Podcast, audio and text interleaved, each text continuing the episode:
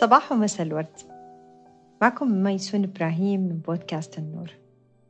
وزي ما تعودنا لنا لقاء جديد وحلقة جديدة. وتتابعا لحلقاتنا الاستثنائية في الشهر الاستثنائي شهر النور رمضان. مرورا بأربع حلقات بدأت بالروح وكأنها كانت أمس. وبعدها الجسد. كنا بنتكلم كيف ناكل وإيش ناكل في رمضان. وبعدها انتقلنا للعقل وطريقة التفكير كيف تأثر في حياتنا. بعدها انتقلنا للقلب كيف أنه القلب مضغة في الجسد. لو صلحت صلح الجسد كله. وأنه القلب له صوت مختلف وبيخلق توازن مختلف بين الأركان الثلاثة الأولى. وبعد ما جمعنا هالأربعة أركان الرئيسية فيا وفيكي وفيك اللي موجودة في كل واحد مننا. جمعناهم في تسلسل بسيط سلس. كثير من الناس اللي قريبين لقلبي شاركوني آه كضيوف في هالحلقات. وكثير من الناس اللي أحبهم سمعوني وسمعوا ضيوفنا. فبعد هالتسلسل الشيق المختلف آه، يعني في مراحل مختلفة من هذا الشهر. آه، شهر كان مليان بكثير من الظروف لكل واحد كان مختلف. كان في ناس عندهم متسع من الوقت وحرية آه، كبيرة في أوقات العبادات والتعبد والصلاة والصيام والقيام والدعاء. كان في ناس كانوا يمكن مضغوطين كثير كان في ناس كان عندهم يمكن حالات صحية غير مناسبة بدا الشهر وجاتهم ظروف مو مناسبة. كان في ناس بيداوموا كل يوم آه من أول الصباح وبيرجعوا بيحاولوا يشوفوا كيف يرتبوا آه ما تبقى من يوم رمضان عشان يلحقوا على الأوقات الفضيلة. آه كان في ناس بتدرس كان ناس بتختبر. في كان في كل الأشكال في ذا الشهر. الاحتفالات دايما ربطناها بالأحداث الضخمة. يعني النجاح من ال high school من التوجيهي أو النجاح من درجة ال bachelor البكالوريوس أو الماجستير أو الدكتوراه. أو لما إنه نقرر إنه نرتبط بشخص ونعملها في إطار الزواج وبنعمل احتفال كبير. أو في بعض الأشخاص بأعياد الميلاد. المهم أنه كان لازم يكون في حدث كبير ضخم أو مثلا واو واحد فتح شركة بعد سنين وكذا فبيحتفل بدي الشركة. المهم أنه في إنجاز كبير بنستناه علشان نحتفل. بس اللي اليوم جاية أقول لكم إياه إنه من حق كل واحد فينا إنه يحتفل حتى بالبيبي ستيبس خطوات الطفل. أتذكر لما كان عمري عشر سنوات آه، أختي اللي عمرها كان سنة. أتذكر الآن زي كأنه قدام عيوني. آه، كنا كلنا جالسين في الصالة صالة البيت. آه، والدي الحبيب الله يرحمه والدتي العزيزة الله يحفظها وأخويني الرائعين وأختي ثالثة وأختي الصغنطوطة اللي كان عمرها سنة. ففجأة لقينا أنه هي كانت بتحاول تنتقل من عند بابا لعند ماما. في خطوة صغيرة قامت ومسكته وأتذكر كانت حذرة جدا وكانت بتحاول تتوازن وسابته في لحظة منها حتى هي كانت مندهشة. كده كطفل في خوف لكن في فرح وراحت بسرعة في خطوة واحدة. والله كانت خطوة. راحت على ماما ومسكتها. وكانت هي مرة فرحانة وإحنا كلنا صفقنا لها وفرحنا. كأنها يعني كأنه ما عمره شفنا أحد بيمشي كأنه إحنا ما كنا بنمشي كأنه أول شخص على الكرة الأرضية مشي أو تحرك هذه الحركة. وفرحنا فيها كثير واحتفلنا لها يعني صفقنا وهللنا وحضناها. ليش بعد هذه الأيام كلها بنفقد إنه نحتفل؟ حتى صرنا بالأشياء الكبيرة. ما أبغى أحول الموضوع لدراما. خليني نرجع مرة تانية ونقول إنه من حق كل واحد فينا. الأعياد بتقول لنا إنه من حقك تحتفل. أيا كانت الفترة اللي أنت قضيتها في الأيام اللي فاتت من حقك تحتفل. من حقك تحتفل حتى لو أنه هذه المرة حسيت أنك أنت ما أديت الأشياء اللي تبغى تسويها. تحتفل بأنه أنت فهمت أنه هذه الطريقة ما وصلتك للنتيجة اللي كنت تبغاها وأنك أنت حتسوي شيء جديد. اليوم جاية أحتفل بأشياء كثير معاكم. أول حاجة أحب أحتفل معاكم فيها إنه في هذا الشهر آه، كان عندي تحدي كبير. آه، بدأ هذا التحدي من شهر آه، آخر شهر اثنين فبراير وكان مطلوب مني على مستوى المستوى المهني لأنه أنا مستشارة في الاستثمارات على المستوى الدولي معتمدة على المستوى الدولي.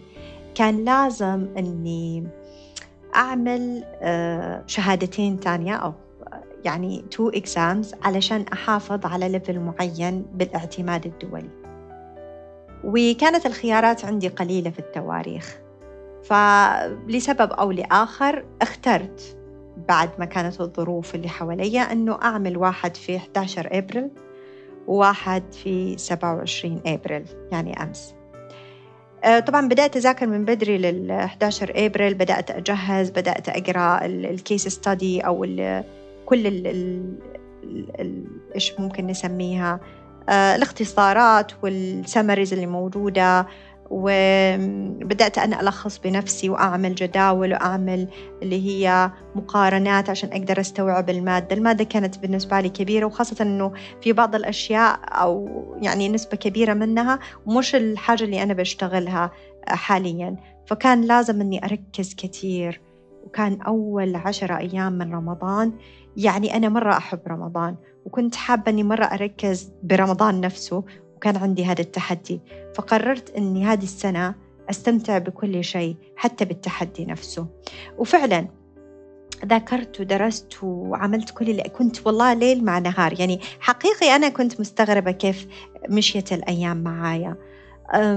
أرجع يعني أنا بداوم بكون في دوامي الساعة 9 الصباح يعني والدوام بعيد عني تقريبا ساعة إلا ربع 45 دقيقة. فأنا يعني لكم أن تتخيلوا يعني عشان نكون صريحين ماكسيموم مفروض أصحى سبعة ونص الصباح. بس كنت أسوي شيء حلو. وانتبهت أني أنا هذا كان واحد من أنواع الاحتفالات ببداية يومي. كنت كل يوم والحمد لله لسه الأجواء عندنا جميلة في الإمارات كل يوم في الصباح أطلع خمسة دقايق عندي زي شرفة أو بلكونة في الغرفة عندي. صغنطوطة أطلع أسمع صوت العصافير أشم الهواء من الصباح كده نسمة الصباح أتفرج على السماء أحس إنه كل شيء بيحتفل بيحتفل إني صحيت وبدأت يوم تاني يوم جديد. صار عندي فرصة جديدة. فرصة جديدة إني أعمل شيء جديد أتعرف على شيء جديد أقرأ شيء جديد أتعلم شيء جديد. صار عندي فرصة. فرصة إني معلش أرجع أجتهد. كل يوم كنت أمني نفسي معلش ميسون أرجع أجتهدي. ارجع اجتهدي خلينا نخلص. هي عندك هالتحدي نبغى نخلصه. وتحديت كان التحدي في تحدي لل... للوقت. كان يعني التحدي عندي في الوقت. كان عندي تحدي في الناحية الجسدية علشان الصيام نفسه. كان عندي تحدي في الناحية الروحانية لأنه أنا كنت حابة أني أرتبط مية بالمية كعبادات وكذا. إلين واحدة من صديقاتي الدكتورة أماني عقيل اللي مرة سويت معها حلقة عن الثراء قالت لي ميسون حتى أنه أنت بتقومي وبتذاكري وبتروحي دوامك احتسبيها لأنه هذه كمان زي كأنك يعني في جهاد مستمر. يعني أنت في مرحلة عطاء مستمر وأخذ مستمر و... ونشاط مستمر في دي الحياة. فاحتسبيها عند ربنا حتى دي لك أجر فيها. أنت زي كأنك طالبة علم. فأعطتني دفعة حقيقة. المهم فكنت أقوم الصباح أصحى هالخمسة دقائق كانت تعطيني معنى تاني. آه، بعدها الحاجة الثانية اللي كنت أسويها وبرضو كان فيها نوع من الاحتفالات كنت أكلم صديقتي اللي هي كوتش حنان علشان نجلس نتشارك الحاجات اللي أنا براود فيها الحاجات اللي أنا فخورة أني بسويها مع كل الضغط هذا. بعدها أروح الدوام أبدأ يومي ينتهي الساعة 2 الظهر. أرجع فعليا ما أقدر أنام لأنه ما عندي وقت. أرجع فعليا أبدأ أذاكر إلين ما قبل أذان المغرب. أعطيت لنفسي بريك قبل أذان المغرب نص ساعة علشان أجلس أركز آه، في الدعاء والابتهال ويعني أهدأ شوية. بعدين بعدها آكل بعدها أخلص. أرجع مباشرة بعد الأكل أعطي نفسي نص ساعة تانية واللي هي بتكون صارت الساعة عندي 8 مساء أرجع تاني أبدأ أذاكر إلين الساعة 2 بالليل.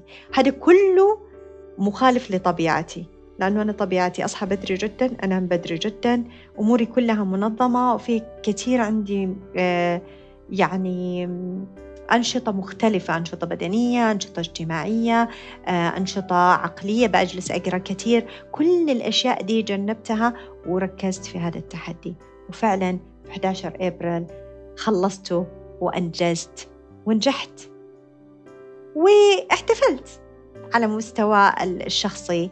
يعني ما جبت كيك بس إنه أقصد الاحتفالات ترى تيجي من الداخل مش لازم أعمل أشياء كثير من برا. آه، مع الناس اللي أحبهم شاركتهم فرحة نجاحي وكنت براود إني أنا خلصت 11 يوم. آه، جاني التحدي الثاني وبدأت أدرس للاختبار اللي بعده. الحقيقة ياخذ عدد كبير من الساعات. اللي صار أنه أنا شخصياً آه، عقليا جسديا حسيت نفسي إنه خلاص يعني المستوى اللي كنت ما قبل الاختبار الأول صار مش موجود الآن. يعني أفضل ما عندي الآن هو أقل من الفترة اللي فاتت. فانتبهت لنقطة أنه الواحد دايما بيقيس أنه أفضل ما عندي في لحظاتي وأنا في أقوى حالة لا أفضل ما عندي على حسب الأحداث اللي حواليا. فلقيت إنه أفضل ما عندي هو إني أقرأ شوية بعدين تنبهت إني أنا واصلة لمرحلة مش قادرة أذاكر. رحت حاولت إنه يكون عندي اختيارات مختلفة أشيل أغير التواريخ ما ضبط أي شيء. قررت إني أخذ التجربة أخوضها بشكل مختلف. هالمرة باختياري وقراري بما أني إني أقدر أسويها أتأكدت إني أنا أقدر أسويها في وقت تاني لاحق. فقررت إني أنا أخذ راحتي في المذاكرة وإني ما أضغط على نفسي. هالمرة كان المنهج أكبر والعدد الشابترز أو ال ال يعني الفصول أكثر والمادة العلمية فيها أكثر من من فكرة. فكان يعني بالنسبة لي ما أبغى أقول كان صعب كأنه كان اختيار. أو مية بالمية هو كان اختياري. أنا قررت أني ما حذاكرها مية بالمية. اللي حأقدر عليه وعرفت إيش حتكون النتيجة مبدئيا. آه، دخلت الاختبار أمس. وجلست ساعة وخمسة وأربعين دقيقة في الاختبار. كان مية وعشرة سؤال. آه، أنا كنت عارفة في نص الأسئلة أنه خلاص الفرصة حقتي كانت قليلة. لكن اللي قررته أنه زي ما نجحت في الأول وجبت A يعني اللي هي بالتسعينات أنا قررت أني هالمرة أخذ التجربة كاملة وأكون observer يعني أكون مراقب للي بيصير معايا. أكون مراقب لمشاعري لفكرتي لكل شيء. هي تجربة مش مشكلة. خليني أشوفها. أنا بحياتي عمري ما رسبت. فكان هذه أول مرة أنا أخذت قرار إني ما أذاكر مية بالمية ودخلت اختبار صعب والأسئلة يعني كانت بالنسبة لي مرة صعبة. يعني كأنه أسئلة صراحة. كأن حتى اللغة يعني حسيت إني أنا بتكلم بلغة الفضائيين. يعني مش فاهمة ولا شيء. مش it's not about الإنجليش نفسه مش على اللغة نفسها الإنجليزية والكلمات لكن كده ال concept التركيبة كده مش راكبة معي اللي صار إني بدأت أقرأ الأسئلة وقررت إني لا مش يعني ضميري كان حي لأي لآخر لحظة لا أنا مش هختار كده عشوائي أنا حقرأ وأحاول أفهم وكده آه، أنا ما عديت. بعد وخمسة وأربعين دقيقة أنا ما عديت. الحاجة اللي ريحتني إنه كان قراري. أنا كنت ماخذته فكنت عارفة إني حتحمل نتيجة يعني حتحمل مسؤولية القرارات حقتي. فكنت سعيدة إني بتحمل المسؤولية ومن جد من جد حسيت إني حابة أحتفل للمرة الأولى بإن الواحد يقدر يختار. معليش أوكي ما عديت. ما عديت ما والله لسه عايشة ما انتهت الدنيا. وكل الأشياء الحلوة لسه ما معايا. وصحيت الصباح اليوم لسه الشمس موجودة والسماء موجودة والعصافير الحلوة موجودين وكله كان بيحتفل. وفي الليل كان في أمطار جميلة جدا. آه قررت إنه okay خلاص هذيك اللحظة فهمت إني أنا ليش ما عديت فهمت إيش اللي مطلوب مني ال next time كنت فخورة بنفسي إنه أنا قادرة أتحمل الموقف. قدرت أتحمل لحظة الإخفاق لأول مرة وعرفت إنه الإخفاق هو أول خطوة لنجاحات مستمرة وإنه نجاحاتنا هي عبارة عن تجارب ما عدينا فيها مستمرة لحد ما وصلنا للنجاح. اللي أبغى أقوله إنه الاحتفالات ما تحتاج دايما إنجازات ضخمة ولا تحتاج دايما نكون عدينا. ممكن عادي إني ما أكون عديت بس بحتفل إني أنا ميسون. إني أنا لسه فخورة بنفسي. على فكرة الدرجة آه واللي عمري أنا ما حصلت على درجات زي كذا نهائيا بحياتي العلمية كانت 37 من مية. أنا مش بقولها علشان أقول أوه أنا 37% أنه عادي ولا مش عادي. لا. This is هذه المادة العلمية اللي أنا استوعبتها في الفترة اللي فاتت وهذه الدرجة بتمثل المادة العلمية اللي أنا استوعبتها. 37 من 100 معناته أنا أحتاج أعمل ضعفين اللي سويته الفترة اللي فاتت علشان أخذ أقرب شيء للمية بالمية.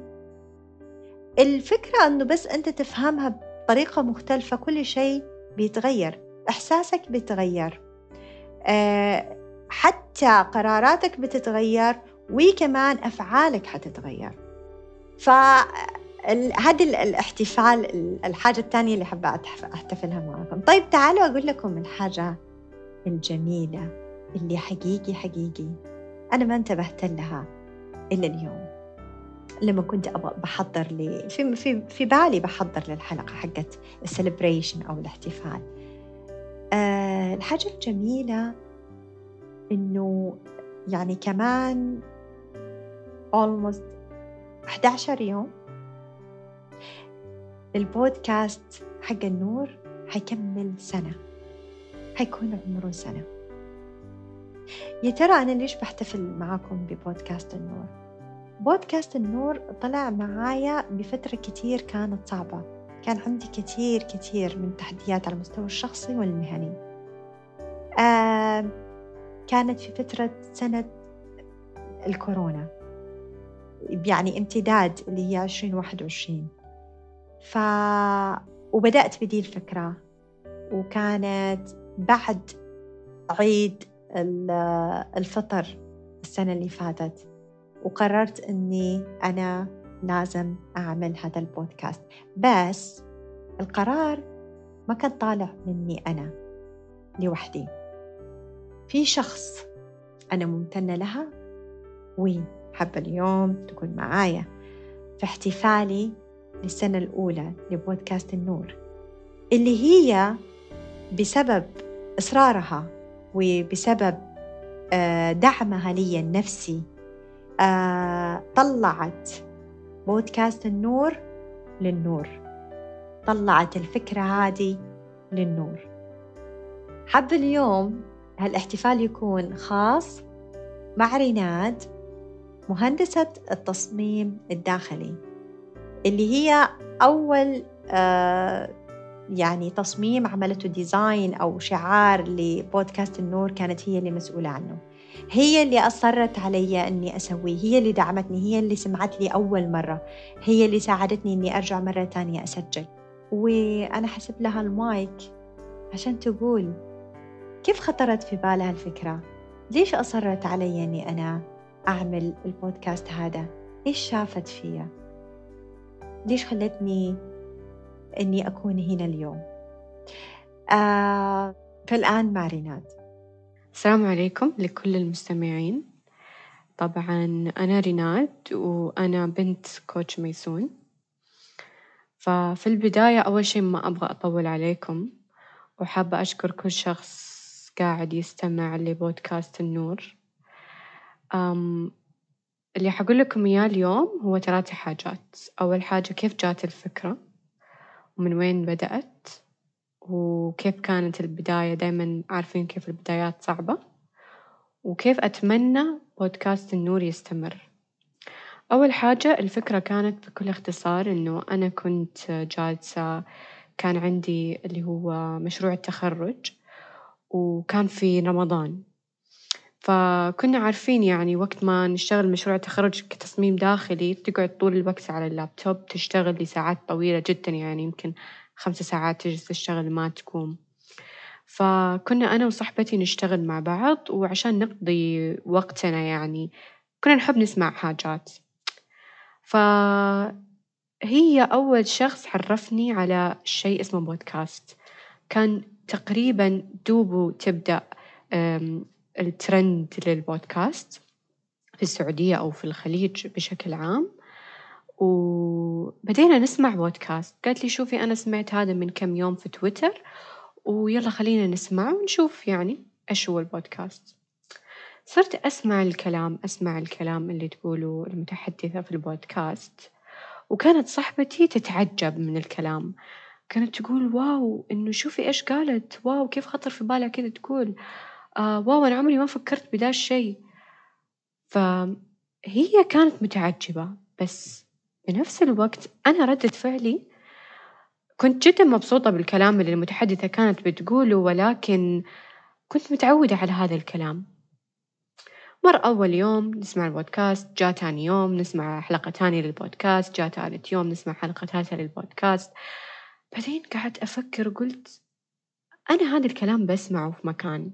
هذه مو أول مرة أنا أسمع كل هذا الكلام اللي بتقوله المتحدثة، كانت تتحدث عن أشياء نفسية، أشياء تخصها بالنجاحات، أشياء يعني أكثر من حاجة تخصها بالتطور الشخصي للإنسان، ففكرت وقلت أنا فين سمعت ذا الكلام؟ بعدين اكتشفت إنه أنا كل يوم بسمع ماما بتقول لي هذا الكلام، فساعتها ركزت واستوعبت وقلت okay يعني أنا عندي ماما وماما بتساعدني في حياتي من كل النواحي، من ناحية دراستي، من ناحية شغلي، من ناحية شخصيتي، من ناحية النفسية، بحي من بحكم إنه هي دارسة life coaching معتمد، فقعدت أفكر وقلت صاحبتي كيف انبهرت وكانت محتاجة تسمع كلمات هذه المتحدثة، فقلت ليش ما أنا كمان أخلي ماما تتكلم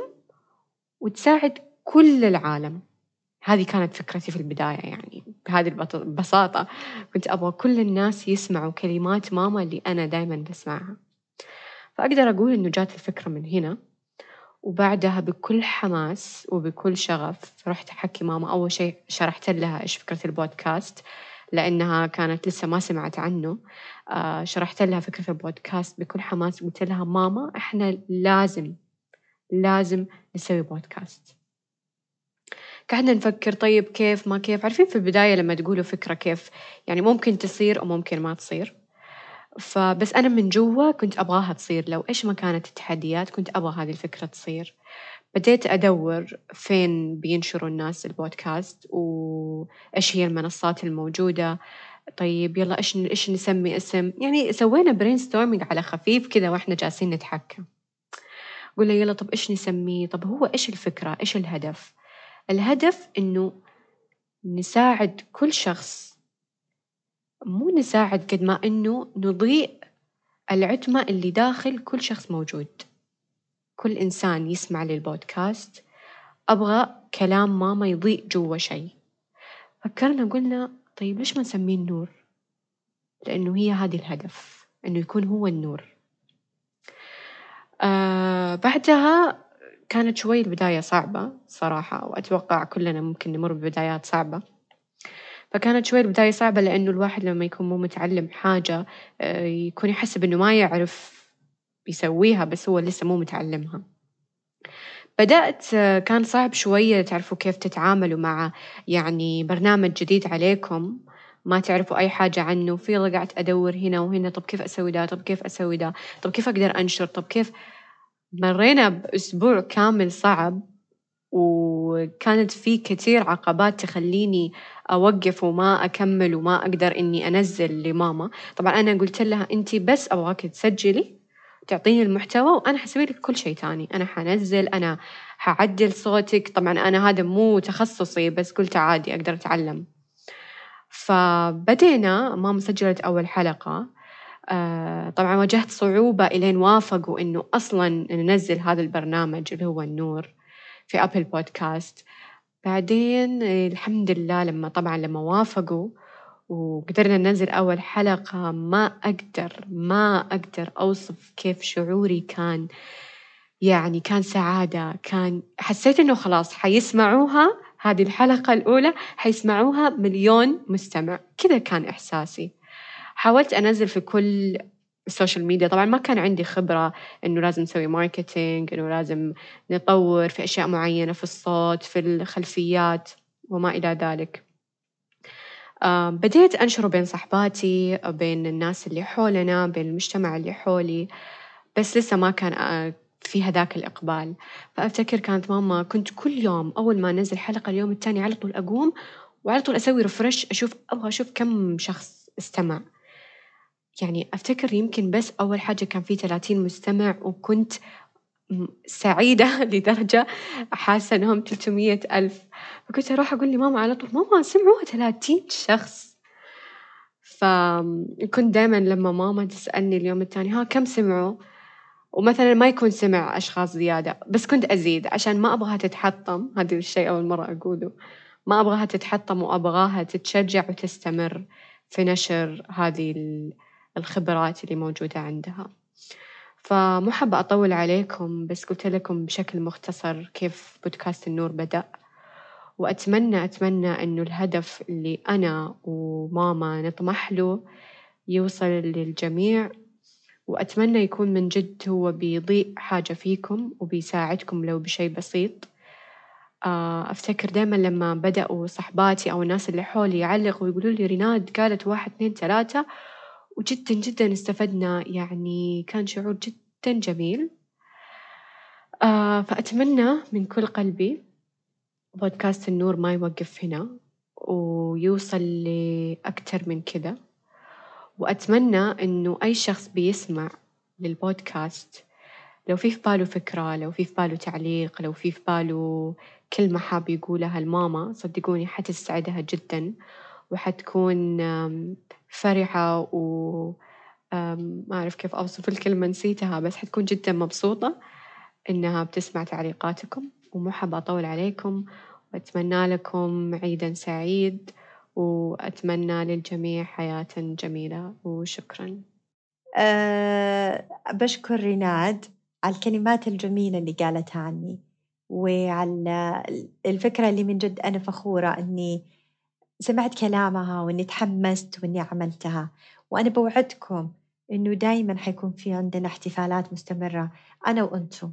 آه لكل مستمع بيستمعني لأكثر من من مرة بيسمع حلقاتي. لكل مستمع جديد أنا من جد فخورة إني أكون معك فخورة إني أكون معاكي. أنا من جد بحتفل معاكم اليوم بمرور سنة إلا 11 يوم على البودكاست النور. وبقول لكم إنه إنه إحنا مجهزين علشان يعني عقلنا مبرمج إنه كل ما احتفلنا أكثر بال baby steps اللي هي الخطوات الصغيرة لأي شيء كل ما زادت إنجازاتنا. هو طبيعة الإنسان يحب ال rewards يحب المكافآت. فالمكافآت الصغيرة المعنوية ترى المكافأة مش إني أروح أشتري لنفسي سيارة Rolls ولا المكافأة إني أروح أعمل سبا هذه كلها حاجات حلوة. ولا المكافأة إني أروح بس أعمل آه، في الجيم رياضة؟ لا في حاجات مكافآت معنوية لذاتي من الداخل. من جوا أنا أكون مؤمنة أني أنا أستحق أني أحتفل بنفسي. أني أنا فخورة بكل خطواتي اللي أنا بعملها خلال آه، اليوم مش خلال السنة مش خلال السنين. مش أجي أقول أوه أنا والله يعني عملت master degree طيب okay هذه صار لها كم سنة؟ وبعد كم سنة جهد؟ لا كل يوم. كل يوم هو يوم جديد إنك تحتفل بنفسك. كل يوم هي لحظة جديدة إنه أنت بتنجز فيها شيء حتى لو مرة صغير حتى إنك ما تكون عديت في الاختبار. حتى إنك ما تكون عديت في مقابلة شخصية لعمل جديد. حتى إنك أنت تكون على خلاف مع شخص تحبه أو مع شريك حياتك أو مع ناس في دوامك. كل دي الأشياء الصغيرة حتى لو ما كانت حلوة أكيد فيها حاجة أنت تعلمتها أو حاجة غيرتك أو حاجة في المستقبل القريب أنت لسه ما تعرفها. تستحق أنك تحتفل بكل شيء بإنجازاتك بإخفاقاتك بردود فعلك المختلفة. بأنك أنت مسكت نفسك في آه، محادثة ما كانت جيدة. بأنك أنت آه، قررت قرار وتحملت مسؤولية هذا القرار. قررت ما تذاكر وتحملت مسؤولية ما عديت. كل شيء بما أنه أنت بتتخذ قرار فيه فمن حقك تحتفل فيه. قدرتك على أنك لسه تاخذ قرار مع كل التحديات استمراريتك في اتخاذات قرارات كل يوم كل يوم كل يوم مليون قرار مطلوب منك. آه، تنام ولا تصحى تطلع ولا تجلس تذاكر ولا ما تذاكر تشتغل أو ما تشتغل تطبخي أو ما تطبخي. آه، تكوني جيدة أو تكون متضايق كلها قرارات. كلها قرارات. أكثرنا بيحتار في دي القرارات. من حقنا نهاية اليوم إنه نكون محتفلين بكمية القرارات اللي لا نهائية. حتى لو ما أخذناها نحتفل إنه ما أخذناها. ونبدأ نشوف بكرة إيش حنعمل. فكل يوم في المساء قبل ما تناموا أحتفلوا بالأشياء الصغيرة اللي يحب إنه يكتبها يكون عنده أجندة مرة شيء رائع لأنه حتساعدكم إنه آخر الأسبوع تعرف أنت إيش عملت خلال الأسبوع وآخر الشهر أنت إيش عملت خلال هالشهر وآخر السنة أنت إيش عملت خلال هذه السنة. أحيانا يمكن ما طلع من في إنجاز ضخم أو حاجة ملموسة آخر السنة. ما صار والله لسه عندي مشروعي ولا لسه أخذت شهادتي ولا حصلت على وظيفة أحلامي ولا لسه آه، حصلت على بيت العمر اللي أنا بتمناه ولا لسه اشتريت سيارتي ولا لسه وصلت لرصيدي في الحساب. بس أكيد أكيد أكيد في حاجات كثيرة عملتها صغيرة خلتني أستمر لآخر السنة. أستمر لسه بأضحك أستمر لسه بأحس أستمر لسه بأبكي أستمر بكل مشاعري كإنسان. فمن حقنا أنه نحتفل آخر اليوم بالأشياء الصغيرة. إيش ما تكون ونحتسبها لنفسنا نحسبها يعني زي ما إحنا بنحتفل بالآخر نحتفل بنفسنا. هذه أول خطوة. ثاني حاجة الآن اليوم وليس غدا. بعد ما نسمع هذا البودكاست أتمنى عليكم أنه كل واحد يكلم الشخص اللي يحب أنه يحتفل معاه بنجاحاته وإخفاقاته. أنت كشخص تكلم شخص عزيز عليك شخص بتثق فيه شخص تحب أنك تكون قدامه بكل تفاصيلك وتقول له أني أنا فخور بنفسي فخور باللحظة اللي أنا فيها الآن كما أنا بما أنا عليه. بكل تفاصيل حياتي. أنا فخور إني هنا. أنا فخور إني لسه واقف. أنا فخور بكل شيء حاسه. أنا فخور إني أنا أعرف نوعية مشاعري وإني متحمل مسؤولية حياتي لأنه هو هذا الإنجاز بحد ذاته. وهذا هو النجاح بحد ذاته. كل سنة وأنتم طيبين. العيد آه، ممكن يكون بكرة أو بعده. والغالب إنه بعده الغالب إنه يوم الاثنين. آه، أتمنى لكم إنه حياتكم تكون مليئة بالأعياد. وأوعدكم إنه كل واحد فيكم يقدر يخلي كل يوم يوم عيد جديد في حياته. أنت بس اللي تقدر تختار أعيادك متى تكون وكيف تكون ومع مين تكون وكيف تعبر عنها لنفسك وللآخر. انشروا ثقافة الاحتفالات بإنجازاتنا الصغيرة من اليوم. وأتمنى لكم أنه تقضوا الفترة الجاية مع الناس اللي تحبوهم بالشكل اللي تحبوه. حتى لو كنت بس أنت لوحدك زي ما أنا كنت في الأعياد اللي فاتت بسبب السنوات الغريبة اللي مرينا فيها. آه، كنت لوحدي في الأعياد بس آه، يعني أقصد لوحدي إنه بدون عيلتي. بدون الوالدة وأخواني وأخواتي. بس آه، كنت أقدر أسوي عيد. فاليوم أنا فخورة بال... بالأعياد اللي قضيتها وكيف عملت فيها. عيد لنفسي أكون فخورة فيه كل سنة. كيف تحديت الظروف كيف فرحت نفسي في ذاك الوقت بكل ظروفي. فأتمنى تفرحوا نفسكم أيا كانت ظروفكم لأنه هذا العيد من حقكم. أنتوا أنتوا اشتغلتوا. أيا كانت المستويات اللي اشتغلتوا فيها في شهر رمضان من حقكم تحتفلوا في العيد هذا وفي كل الأعياد. اللي يعجبوا محتوى الحلقات حقتي وكمان اللي عنده ملاحظات وكمان اللي مو عاجبهم لأي سبب أي حاجة في أسلوبي أو حلقاتي أو كلامي. والله أنا سعيدة جدا أنكم تعلقوا لي وترجعوا لي. على الانستغرام على وسائل التواصل الاجتماعي معايا. آه أي ملاحظات أنا أرحب فيها. وأرجو أنكم تنشروا هذا البودكاست للناس اللي أنتوا تحسوا أنهم مهتمين بهالنوعية من الحوارات. صح باقي حاجة واحدة. اليوم كأني تكلمت كثير معليش سامحوني. سامحوني أو شكرا أنكم بتسمعوني. خليني أقولها كذا. شكرا أنكم بتسمعوا لي. آه لآخر لحظة. ال ال ال الأسبوع القادم ما حيكون في بودكاست لأني هكون آه إن شاء الله في الرياض. جالسة بأحتفل بالعيد بشكل مختلف هذه السنة عن الثلاث سنين اللي فاتت. وراح يكون عندي كثير كثير من الأنشطة اللي حسويها. فاسمحوا لي أني أنا أكون بحتفل وأتمنى لكم أنه أنتم تكونوا بتحتفلوا على ذوقكم وبطريقتكم وأوعدكم أني أرجع لكم الأسبوع اللي بعده بشيء جديد. دمتم بود.